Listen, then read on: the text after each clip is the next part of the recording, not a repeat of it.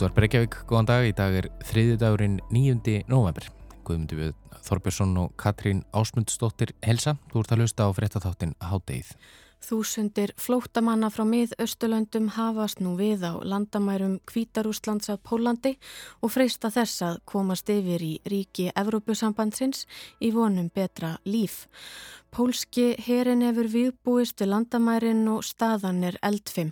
Allt er þetta liður í pólitískri refskák Alexander Lukashenka fórsetta Kvítarúslands sem hefur búið flótamenn velkomna til Kvítarúslands í þeim tilgangi einum að koma þeim yfir á ríki Evrópusambandsins.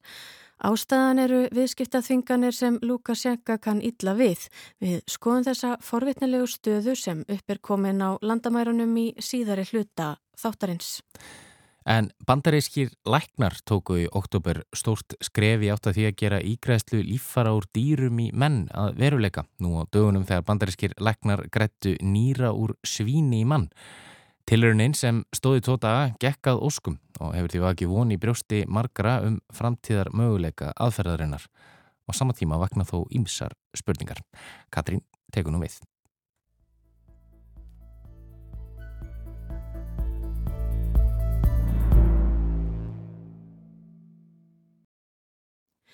Byðlistar eftir líffærum og líffæra gjöf eru langir á heimsvísu. Til dæmis býða nú þegar þetta er sagt um 107.000 bandaríkja menn, konur og börn eftir líffæri. Lang flestir þurfa á nýju nýra að halda. Og þrátt fyrir að fjöldi fólks þykki líffæra gjöfa á ári hverju en til dæmis voru 146.000 líffæra ígræslur framkvæmdar árið 2018 er starrendin svo að fleiri láta lífið á bygglistum eftir líffærum en fá nokkuð tíman ígræslu. Bara í bandaríkjunum missa meðaltali um 17 manns lífið á slíkum bygglista á degi hverjum. Frambóðið svarar einfaldlega ekki eftir spurninni og þannig hefur það verið alveg frá því að líffæra ígræðslur sem enn í dag eru taldar með mestu framförum læknisfræðinar á síðustu öld hófust. Það þarf meira til, maðurinn annar ekki eftir spurn mannsins en maðurinn leita líka lausna eða réttar að sagt hafa læknar lengi leitast við að finna lausnir að þessu vandamáli beitt hugaraflinu og hugvitinu með miskoðum árangri þó, eins og eftirminnilegt plastbarkamál ítalska læknisins Pálo Macchiarini er dæmi um. Lengi hafa læknar litið aðrar dýrategundir hýru auga, fyrst til náskildra tegunda eins og simpansa þar sem líffari þeirra svipa til líffar okkar mannsins, en hins vegar er tegundin í útrýmingahættu og það náðu því ekki lengra. Þá var leita á náðir svínsins, hústýrsins góða en tegundin er í dag talin henda einna best fyrir lífæragjafir mannsins. Lífærið þeirra eru lífræðilega áþekk lífærum mannsins og sem að stærð og smittætta milli tegunda er ekki eins há og milli margra annara tegunda. Þá er auðvelt og tiltölulega fljótlegt að rækta svín í stórum stíl, meðgöngutímin er stuttur og gotin stór og þau eru þá ágætlega ódýr og þægilegi rekstri. Tilraunir með svín í læknisfræðilegum og líffræðilegum tilgangi hafa því færst í aukana, svo sem hvað var þar genabreitingar og tilraunir og þá hafa líffæri svína þegar verið græti í aðra prímata með góðum árangri. Svo nú í september var stóra skrefið fyrst stígið í þessari tilvunastarðsemi þá grættu vísindamenn og læknar í bandaríkjunum nýra úr svíni tímabundið í manneskju í fyrsta sinn. Nýrað var tekið úr sérrektuðu svíni og grætt í heiladauðan mann í öndunavél með samþyggi fjölskyldans. En svínið sem nýrað var tekið úr er úr sérstakri hjörð sem hefur verið erðabreitt á þann hátt að ákveðið gen sem framleiðir sérstakann sigur hefur verið fjár, fjarlægt. Sigur tegundin getur annarsótlið sterku ónæmisviðbræði í líffæra þega og hann þá hafna líffærinu.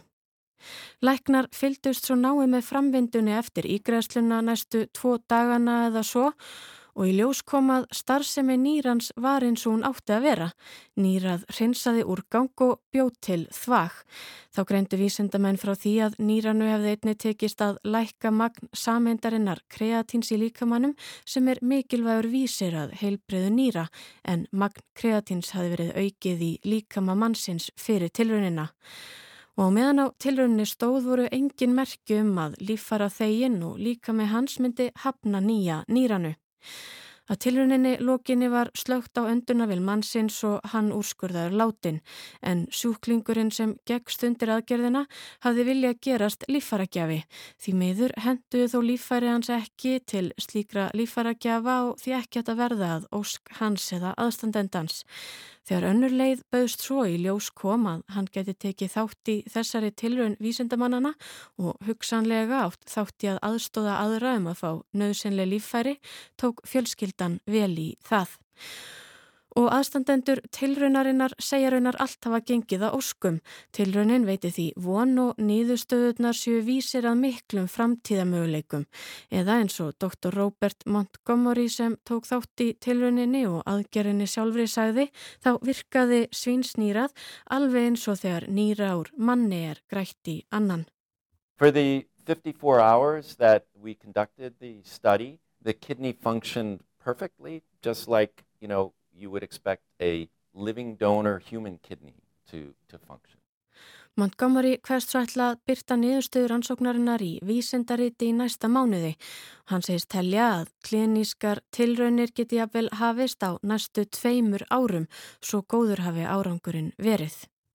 I went through that period of time when I was um, waiting and not knowing whether an organ was going to arrive in time. And So I deeply understand, you know, what my patients and all patients who are waiting for a life-saving organ experience, and I think this really provides, you know, new hope that we'll have a sustainable, you know, unlimited supply of organs Aðrir vísindamenn eru þó ekki vissir um að brátt verði hér óendanlegt frambóð af lífærum eins og Montgomery sæði, vilja fara eins hægar í þessa hluti og býða eftir að sökva sér í grein og niðurstur rannsóknarinnar.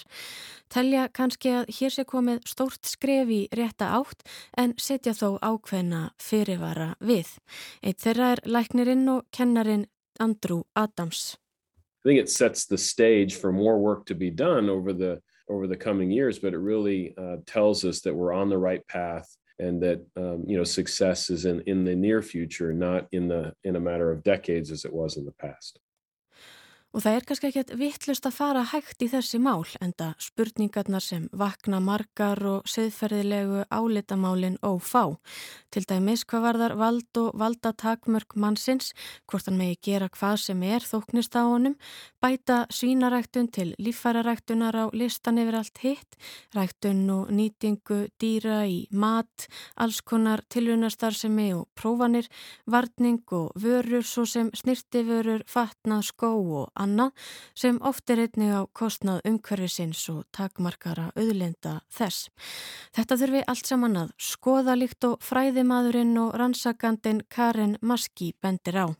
I do think that we, uh, all of us in the positions that I'm in that are involved in looking at policies and developments in science and biotechnology have to ask some hard questions about what it means, yes, to basically develop um, organs in pigs, which is going to be meaning that you have to produce lots of baby pigs. Þrátt fyrir að tilraunin veki því von og skilji mann jafnvel eftir orðlausan yfir framþróun og árangri læknavísendana, árangri sem hinga til hefur aðeins verið fjarlægur draumur margrænan stjættarinnar, sínir tilraunin kannski bæði hversu langt við erum komin en á sama tíma hver mikið er enn eftir.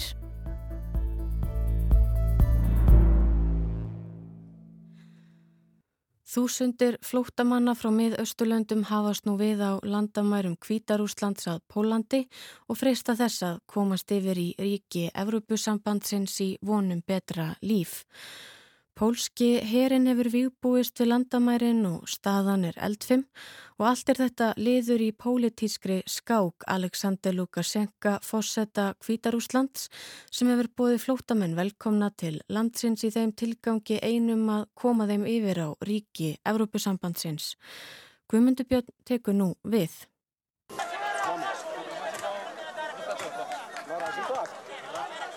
Við erum stött á landamærum Póllands og Kvítarúslands, Kvítarúslands megin við landamærin, en þar hafast nú við þúsundir flottamanna sem fresta þess að komast yfir til Póllands og þaðan til Þýskalands eða annara ríkja Evrópusambandsins.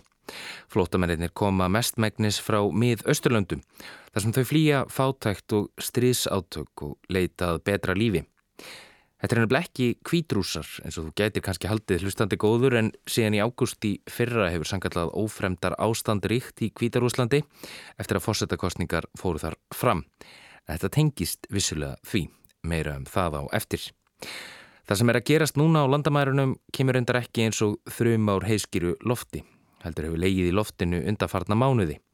Í gær heitnaði svo rækila í kólunum þegar kvítrúsneski herin fyldi um þúsund manns að pólsku landamærunum.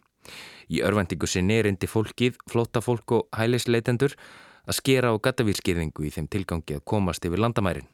Pólsk yfirvöld brúðust skjótt við og ætlaði ekki að hleypa þúsundum flótamanna yfir landamærin bara sí svona. Innarrikis ráðara Póllands, Maciej Vasek, sæði gerað allt kapp væri nú lagt á að tryggja landamærin. Stórir hópar lauruglumanna og öryggisveita væri þangað komin, auk 12.000 hermann ár pólska hernum. My mówimy nie Tam są dodatkowe patrole Straży Granicznej. Straż Graniczna jest maksymalnie zmobilizowana. Jest... Við áætlum að þessi mannskapur geti varið landamærin, sagði Vasik. Auk Póllands hafa Lettland og Litáen sem einnig að landamærað Kvítarúslandi lendi því sama að undanförnu. Þúsundir flótafólks og hælisleitenda hafa reynd að komast yfir landamærin frá Kvítarúslandi síðustu mánuði og nú er vetur að ganga í garð, frosthörkur geta verið miklar á þessu svæði og þegar hefur eitthvað flotta fólk látist þar sem það hefst við í tjöldum við landamærin.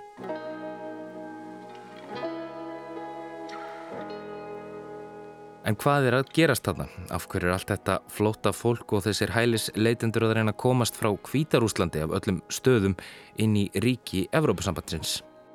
Þetta fólk sem nú reynir að komast yfir landamærin eru peði pólitískri skák Aleksandrs Lukashenka, fórseta Kvítarúslands. Fossaga þessa málsnæðir aftur til ágústmánaðar 2020 þegar Lukashenka rósaði sigri í fórsetakostningum með 80% atkvæða. Þá hafandi setið 26 ára á fórsetastóli. Það er óhægt að segja að allt hafi farið á hliðina í Kvítarúslandi við þessar frettir en það algjörlega útilokað að Lukashenka hafi verið raunverulegur siguveri kostningana. Réttmætur siguveri þeirra að matina er allra óháðara eftirlitsaðila og alþjóðasamtaka er Svetlana Tjíkanovskaja, eiginkona stjórnarandstæðingsins Sergei Tjíkanovski sem hefur setið í fangilsi frá því á síðasta ári eftir að hann tilkynntum fósettaframbóð sitt. Þegar Sergei var tekinn höndum í aðdraganda kostningana eins og venjan er með stjórnaranstæðinga sem þykja líklegir til að velja fórsetanum undir augum, bauð Svetlana sig fram í hans stað. Hún vann hug og hjörtu kvítrúsnesks almennings, almennings sem var orðin lang þreyttur og ógnarstjórn Aleksandrs Lukashenka sem hefur stundu verið kallaður síðasti einræðisherra Evrópu. Í kjölfarið brutust út mikil og harkaleg mótmæli víða um Kvítarúsland svo mánuðum skipti og lengi leit út fyrir að dagar Lukashenka og fósættastóli væri taldir. Evrópasambandið og bandaríkin beittu stjórnvöld harkalegum viðskiptaþingurum og krafa alþjóðasamfélagsins var skýr. Lukashenka verður að fara því Svetlana Tjíkanovskaja er réttkjörinn leðtögi landsins. En Alexander Lukashenka er eldri en tvæ vetur í þessum bransa og hann hefur staðið af sér bæði viðskipta þvingarnir og heftu mótmæli. Hann hefur látið fangelsa hundruð ef ekki þúsundir pólitískra andstæðinga á síðasta ári þar á meðal fjölmarka bladamenn sem sumir hverjir verðast hafa horfið sporlust. Í mæ gerðust kvítrússar svo kræfir að neyða farþegaflugvel sem var á leið frá Aþenu til Litáen til að lenda í Minsk. Í flugvilni var kvítrúsneski stjórnaranstæðingurinn bladamæðurinn og blokkarinn Róman Protasevits sem var tekinn höndum. Hann er enni haldi stjórnvalda og hefur ekkert til hans spust síðan í sumar. En viðskiptaþunganir Európursambandsríkjana og bandaríkjana hafa bitið. Egnir hafa verið fristar og þá er flugfélögum ráðlagt að fljúa korki til Kvítarúslands nýja yfir Kvítarúsneska lofthelgi. Bæði til að koma í veg fyrir að ég gróf brota á alþjóðalögum eins og handakan á Prótasevits geti endur tekið sig en líka til að skada Kvítarúsland efnahagslega.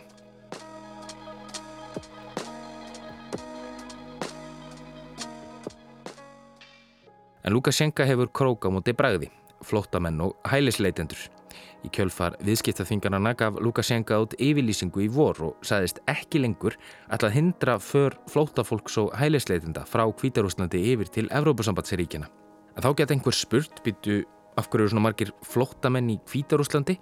Er ekki flótamanna krísan sem reyði yfir Evrópu fyrir nokkur árum í kjölfar átakana í Sýrlandi og Írak nokkur þeim búin? Jú, kannski, en það breytir því ekki að ennir fjöldi fólks í þessum löndum sem þráir ekkert heitar en að komast burt. Það er næsta vonlaust fyrir þetta fólk að fá vegabriðsáriðunin í ríki Evrópusambandsins. Kvítarúsland er hins vegar ekki í Evrópusambandinu og Lukashenka fórseti brá á þá ráð fyrir á þessu ári að heimila fólki frá stríðshrjáðum svæðum að sækja um vegabriðsáriðun sem ferðamenn. Já, þið heyrðið rétt. Turist vísa hvaða Íraki vildi nú ekki skella sér í smá frí til Kvítarúslands. Og það hafa þau gert, bæði Írakar og fólk af öðru þjóðverðni. Þetta hljómar kannski fárónlega en þetta hefur virkað. Þegar þetta fólk, ferðamennir svo kulluðu, lendir svo í Minsk, tekuði nokkura klukkustund að ferðað landamærunum sem hinga til hafa ekki verið varin sérstaklega yfir í nágrannaríkin Póland, Lettland og Litáen. Þetta er með öðrum orðum hemd Lukashenka fyrir viðskiptaþinganirnar. Þið lókiða mig og ég fær ykkur flotta fólk á hælisleitendur á færibandi, geti fósettin af að hugsað.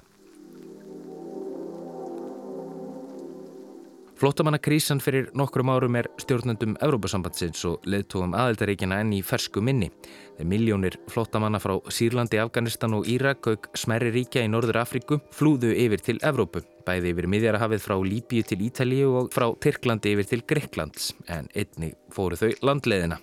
Þískaland, Svíþjóð, Ítali og Frakland tóku við langflestum hluta þessa fólk sem í kjölfarið myndaðist sterk pólitísk andstaða gegn komu flotta fólks til Evrópu og þjóðverðnis populistar spruttu upp eins og gorkúlur víða í álfunni.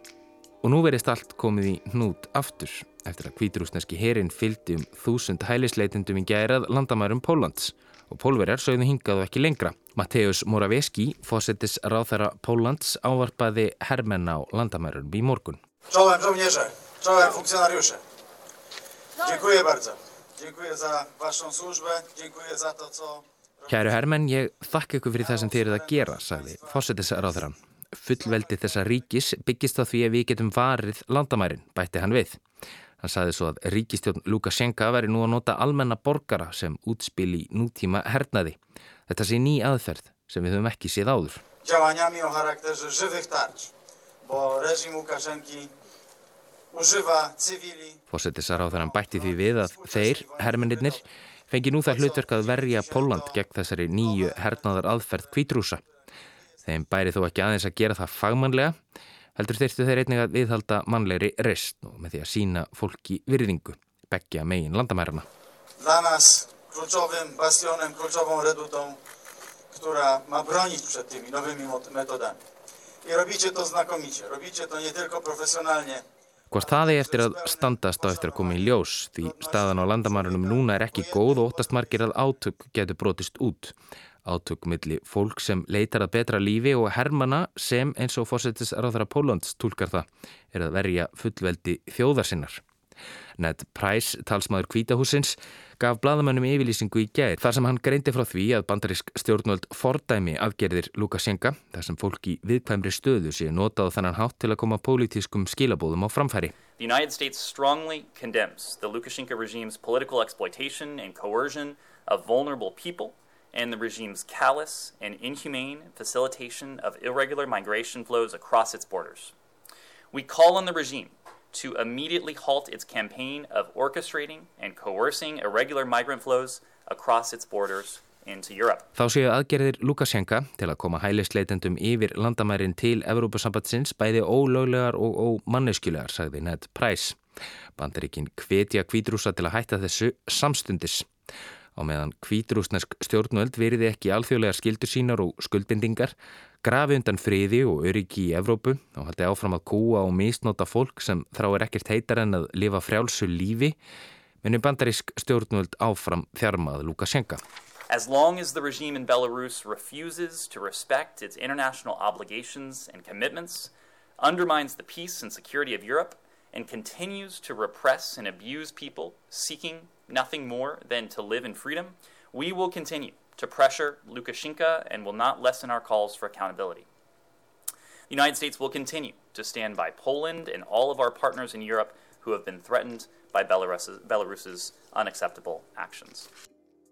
Þá bætti Ned Price því við að bandaríkin muni áfram standa með pólskum stjórnvöldum og öðrum bandamönnum sínum innan Evrópasambatsins sem verða nú fyrir barðinu og óafsakanlegum ákvarðanutökum Lukashenka.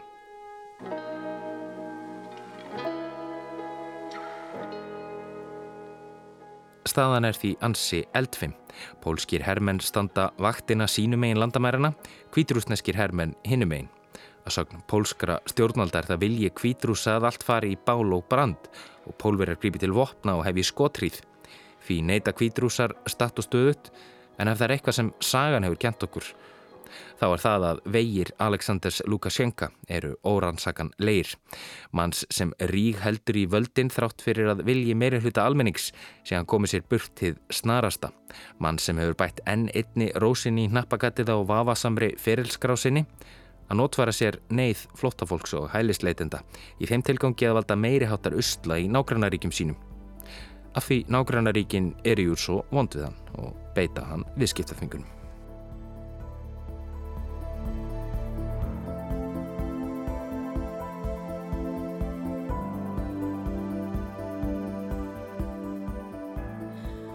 Hátegi verður þó ekki lengra í dag. Við verðum hér aftur á morgun. Þátturinn er aðgengilegur í spilaránum og öllum helstu hlaðvarpsveitum og þá er þetta að senda okkur ábendingar á veffangið háttegið hjá rúf.is. Er þið sæl?